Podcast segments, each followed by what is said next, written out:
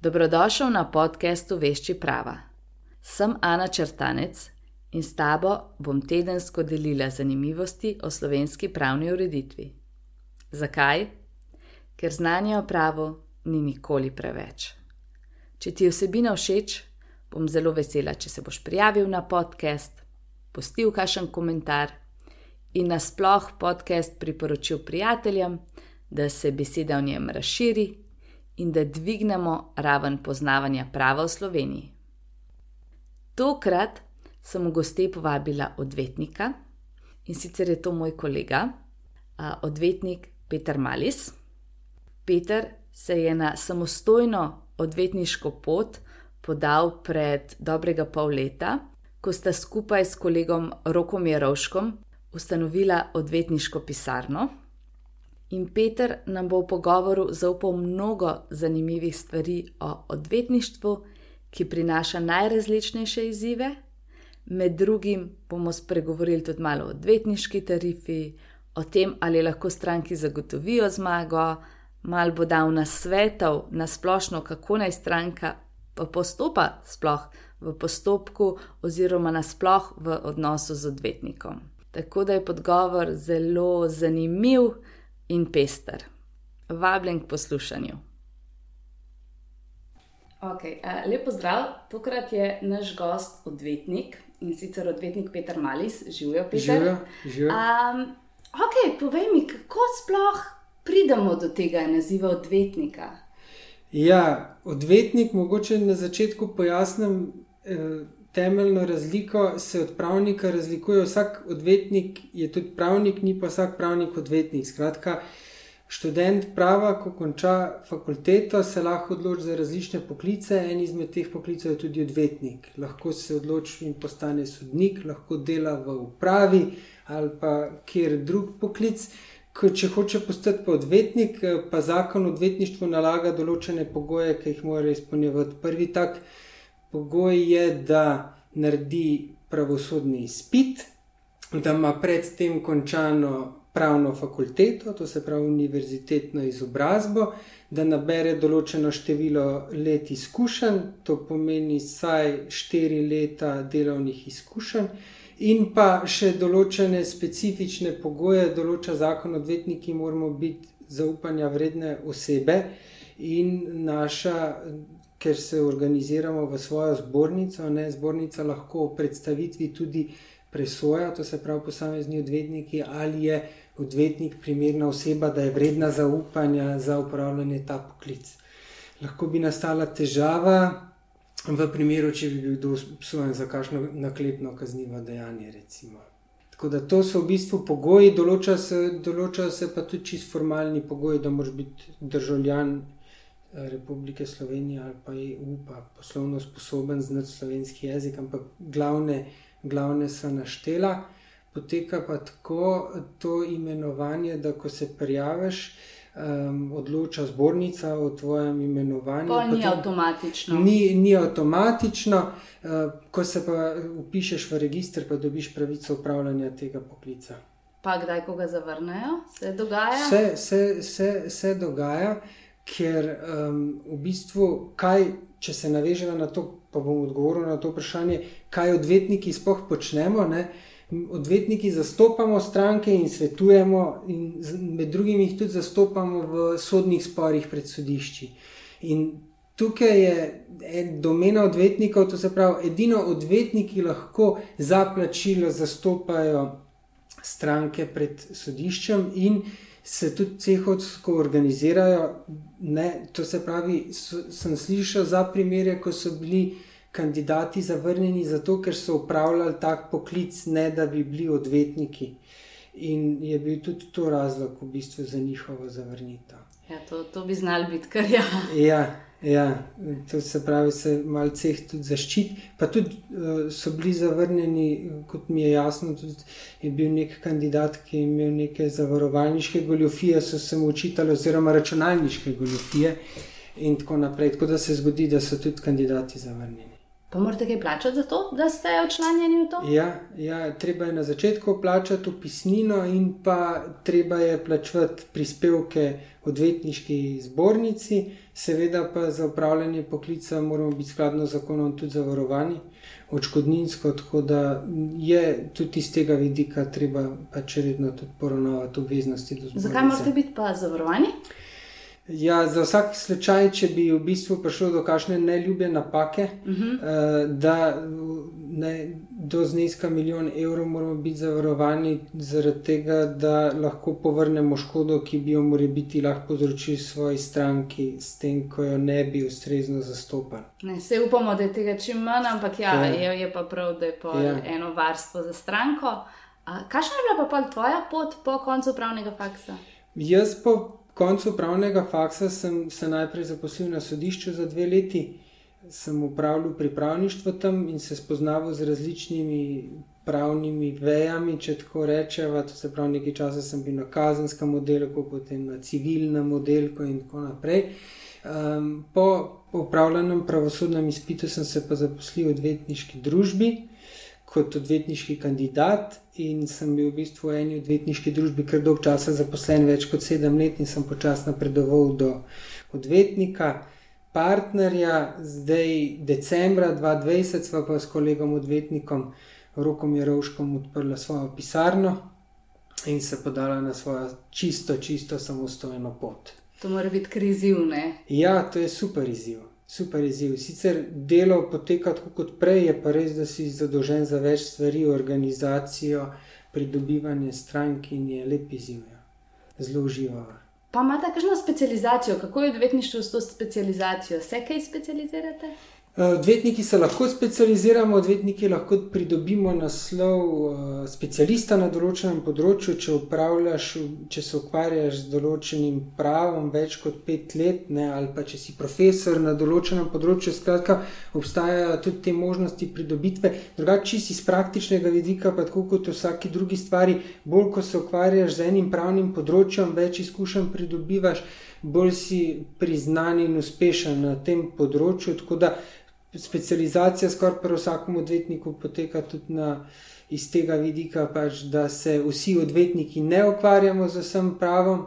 In pa da te tekom časa pripele pot do nekih vod, kjer se specializiraš. Recimo, jaz sem v, eh, v dosedanjem delu nabral dosti izkušenj na področju insolvenčnega prava, pa prestrukturiranja družb.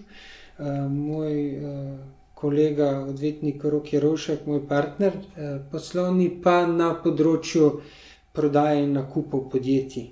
Ne. Je pa res, da ko se enkrat odločiš za samostojno pot, se vsaj na začetku ne osredotočaš na oska področja, ampak tudi na širša področja, uh, s katerimi so se pač tudi že prej ukvarjala. To so pa lahko uh, področje, predvsem delovno, pa civilno področje poleg gospodarskega. Ne? Pa, naprimer, lahko kdaj stranki rečete, zdaj vam pa garantiram zmago vem, v sodnem postopku. Ja, jaz bi si upal reči, da je dobro, ker vidi stran od tega odvetnika. Jaz mislim, da je odvetnik uh, zelo pomemben faktor za, za dosego svojega cilja, tudi na sodišču. Ne? Vse je dosti odvisno od njegovega angažmaja, koliko časa si vzame, kako naštudira, seveda pa ni on edini faktor uspeha na sodišču. Ne? Pač zakon določa, da ti pripada neka pravica, ne? na odvetniku pa je, kako bo stvar zastavil, predstavil, izkazal, dokazal, da bo dosegel nek uspeh za stranko. Tako da je pomemben, ni pa ključen v smislu, da bo sam odločil, ali bo dobil primer ali ga ne bo. Sam stran, torej, takega se strinjam, ja, ja. sam stran. Kakšna pa so sploh dela? Okay, nam je najbolj vidno tisto, ki zastopa na sodišču. Kaj se pa še vse ostalo dogaja? Ja, poleg zastopanja na sodišču, zdaj vsaka zadeva se najprej začne v pisarni, ko pride do tebe stranka in ti predstavlja določen problem. Ne? Če se pravi, sploh ni nujno, da pridemo do sodišča, lahko probamo zunaj sodno rešiti nek, neko spor, težavo, ki jo ima stranka. Drugače se pa poleg zastopanja strank na sodiščih ukvarjamo tudi z uh, pripravljanjem listin, to se pravi sklepanjem pogodb. Ne. Uh, zastopava dosti gospodarskih družb in gospodarske družbe dnevno potrebujejo urejanje svojega pogodbenega položaja, to se pravi razmeri, in tudi posamezniki, ne na zadnje, nakupi, prodaje zemljišč, razno razne najemne pogodbe in druge pogodbe. To se pravi, dosti je pripravljanja pogodb, dosti je zastopanja tudi na sodiščih in tudi pred drugimi organi. Kaj pa, naprimer, glede stranka, se samo odločite, koga boste sprejeli, ste kdaj dolžna koga sprejeti, kako je s tem?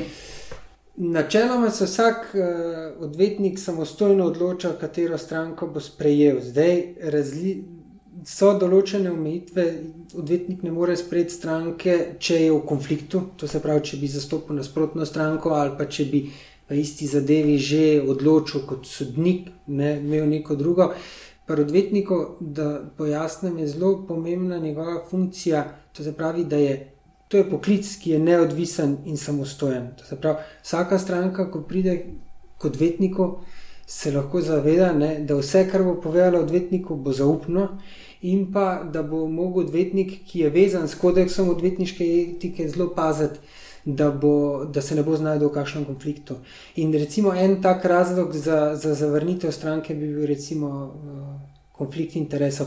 Drugače pa uh, samostojno odločamo, koga bomo sprejeli, koga ne. Nam pa kodeks nalaga, da če bi bila zadeva nujna.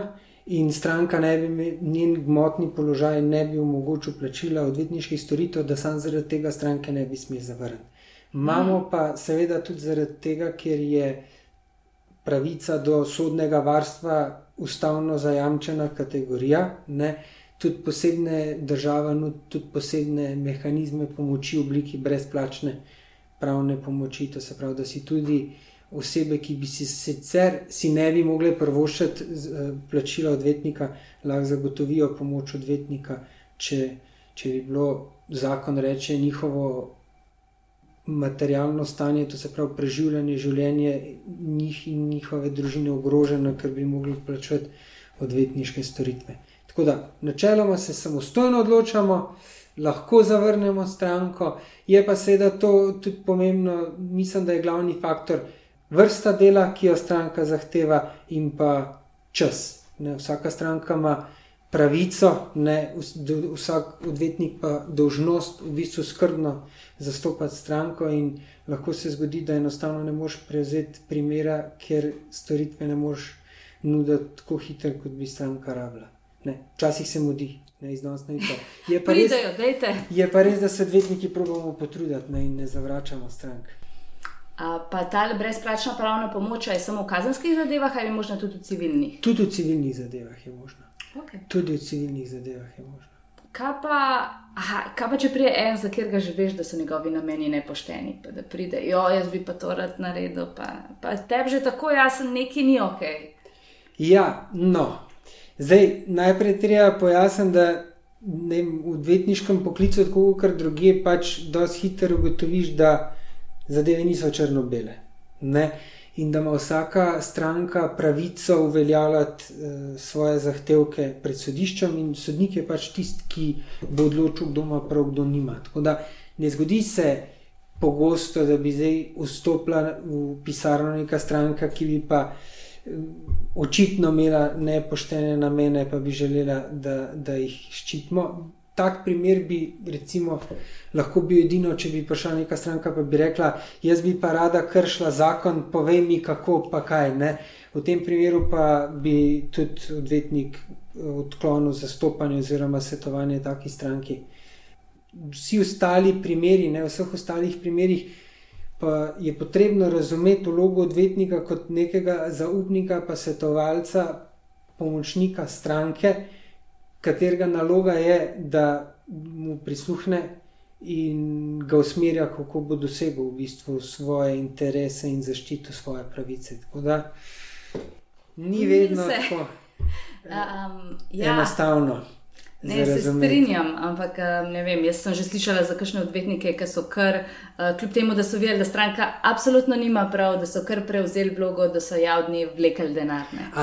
Tem, ja, sam, to nima veze s poštenjem, to me lahko veže s poštenjem odvetnika kot azga. Ja. Ampak odvetniki, recimo, tudi si upam trditi praviloma, da lahko obstajajo izjeme, ampak delujemo na ta način, ne, da ko stranka pristopi do nas in tudi eh, pojasnimo svoje videnje spora. To pomeni, da poslušamo stranko, kaj nam ima zapovedati, in tudi jo usmerjamo in povemo, kakšne so njene možnosti eh, za uspeh.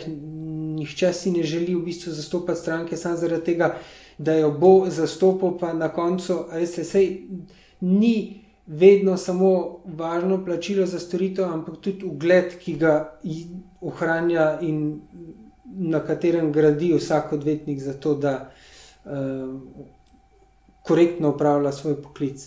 Kako pa je s plačilom? Odvetniki zaračunavamo storitve po odvetniški tarifi. Odvetniška tarifa je en akt, ki v bistvu za vsako posamično storitev, zdaj ne či za posamično, ampak usmerja v bistvu glede na zahtevnost storitev, ki jih nudimo, vrednost spora, v katerem zastopamo, in druge elemente v bistvu določa, do kakšnega plačila smo upravičeni. Je pa eh, seveda zakonsko dopustno, da se odvetniki s strankami dogovorimo tudi za drugačen način zastopanja. Ne. Lahko so čist konkretno povem, lahko je vezana neka storitev na vrednost spornega predmeta, ki je zelo visok, pa bi odvetnik po odvetniški tarifi dobil tudi više plačilo, pa bi dobil recimo po urni postavki niže. Lahko je pa seveda tudi obratno. Skratka, odvetniki lahko se dogovorimo izredno s pogodbo tudi za drugačen način obračunavanja storitev. In en izmed takih načinov je zaračunavanje po urni postavki. Je pa možno se dogovoriti tudi za plačilo po uspehu. To ni tako zelo običajno in je tudi bolj običajno v kakšnih gospodarskih zadevah. To se pravi, stranka se z odvetnikom lahko dogovori, da bo dobila plačilo v višini nagrade, ki ne sme presegati več kot 15 odstotkov zneska, ki, ga, sodi, ki ga bo sodišče uh, dosodilo stranki, ki jo zastopa odvetnik. Verjetno tudi v kakšnih očkodninskih zadevah bi bilo lahko, to mogoče smiselno.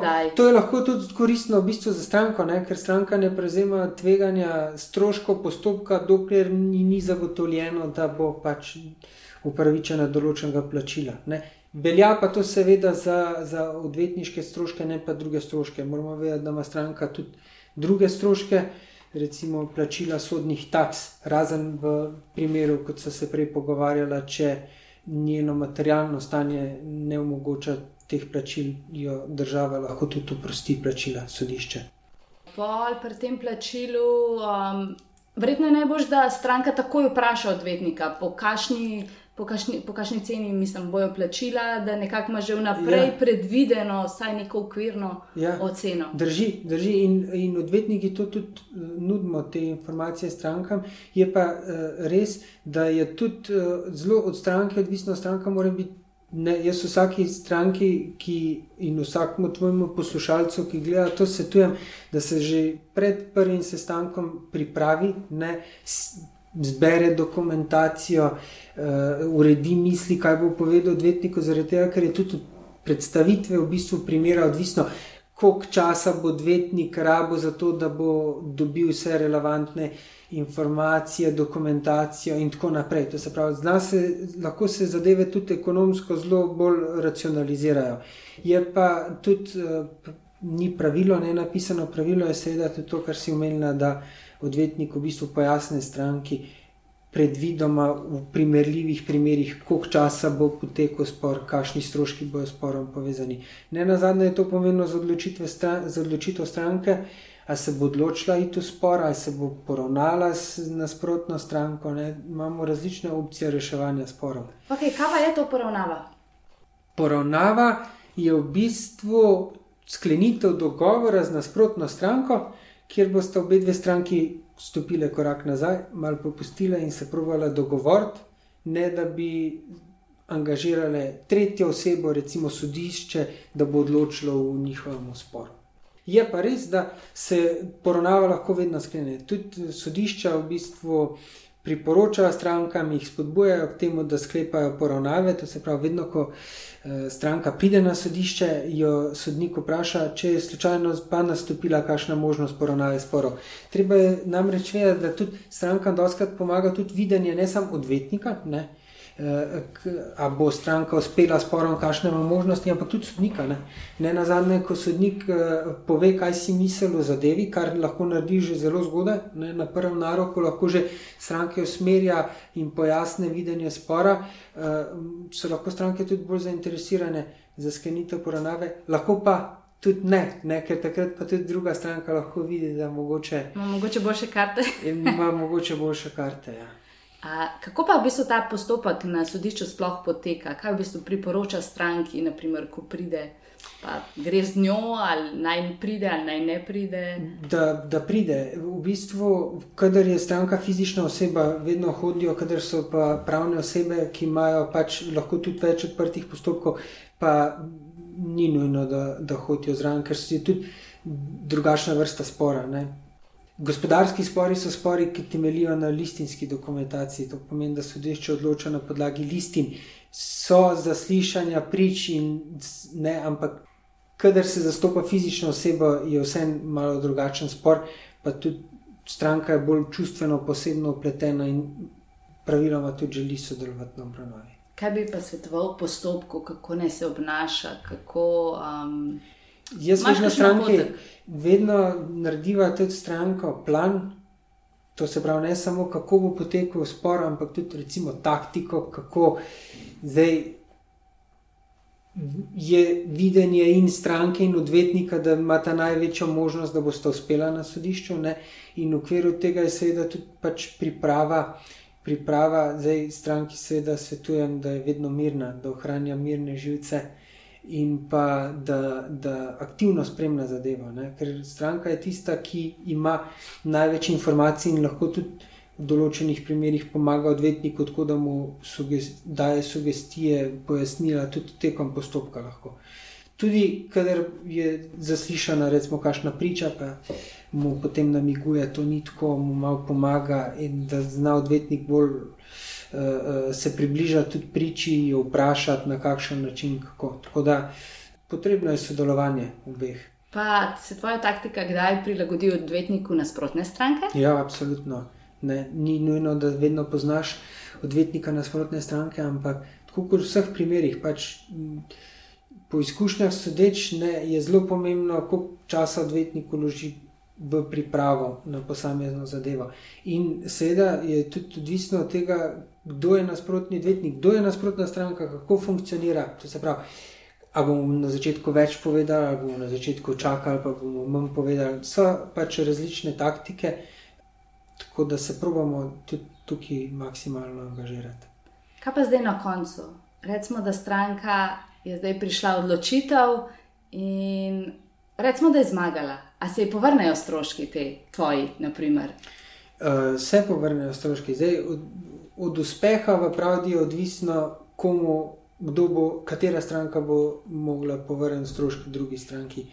Eh, glede na to, kaj smo prej govorili o plačilu odvetnika za storitve, je pa treba seveda podariti, da je stranka vedno upravičena do povlačil, po, povračila odvetniških stroškov v višini odvetniške tarife. To se pravi, če se bo sama dogovorila z odvetnikom za drugačen način obračunavanja storitev, bo lahko dobila povrnjene stroške samo do višine, ki bi odvetniku pripadali na podlagi odvetniške eh, tarife. Eh, je treba pa v bistvu podariti še to, ne, da uspeh eh, ni važen, važen je celostni uspeh stranke v postopku, kar pomeni, da stranka, ki bi sicer uspela zahtevko, ampak v zelo nizki višini, to se pravi, utoževala bi zneske visoke, milijonske, uspela bi pa recimo z desetimi tisočaki, ne, bi v bistvu izgubila v sporu, zaradi tega, ker bi zbagala samo po temelju v tako nizki višini, da bi zaradi višine zahtevka druga stranka praktično dobila povrnjeno enako višino stroškov postopka od nje, kot jih bo ona mogla plačati njej. Ja, to, da, je to, je, to je tudi recimo taktika, ki se prej pogovarjala, kako na sodišču. Tudi znesek, za katerega tožiš, a se boš odločil za tožbo, kdaj se boš odločil, vse to je taktika. Ne? A boš tožil za tak znesek, ne boš. Vse to se je treba prej dogovoriti, splanirati, kaj je v bistvu najbolj za stranko. Kaj pa, naprimer, če pa odločitev sodišča, da je pač nismo uspeli v sporu, ali se stranka lahko pretoži, kako je ja. s tem? Vedno se stranka lahko pretoži, v ustavi je zajamčeno dvostopensko sojenje, to, se, sojenje, to se pravi pravica do pritožbe, pravica, ne, da v tvoji zadevi ne odloča samo en odvetnik, ampak da se lahko stranka obrne še na više sodišče, ki bo še enkrat preverilo pravilnost odločitve prvostopenskega sodišča. V določenih primerjih pa sploh ni nujno, da se zgodba že konča na drugi stopnji v pritožbi, če se, če se pojavijo kot sporna, kakšna zelo pomembna pravna vprašanja, je tukaj še vrhovno sodišče, ki lahko odloča o, o pomembnih pravnih vprašanjah in samo odloči zadevi ali vrne v ponovno odločanje eh, na prvo stopnjo. Pa seveda tudi človekove pravice so zelo ključne, to se pravi, imamo tudi uh, ustavno sodišče, ki v omejenem obsegu tudi odloča o zadevah. Pa dobila sem vprašanje, ali drži miselnost, da morate pol, zdaj pa odvetniki cele dneve garati? Jaz mislim, da je to še vedno odvisno od vsakega posameznika, ampak praviloma je naš poklic tak, da nudimo podporo strankam, ne, mi z rokom, predvsem gospodarskim družbam, ki seveda želijo čim prej dobiti svojo storitev upravljeno, zaradi tega, da lahko nadaljujejo s poslovanjem, recimo, če pripravljajo pogodbe, da čim prej lahko sklenejo nov posel. Enako velja za fizične osebe, ki njihovi spori so za njih seveda najbolj pomembni. Tako da um, delamo, uživamo zraven.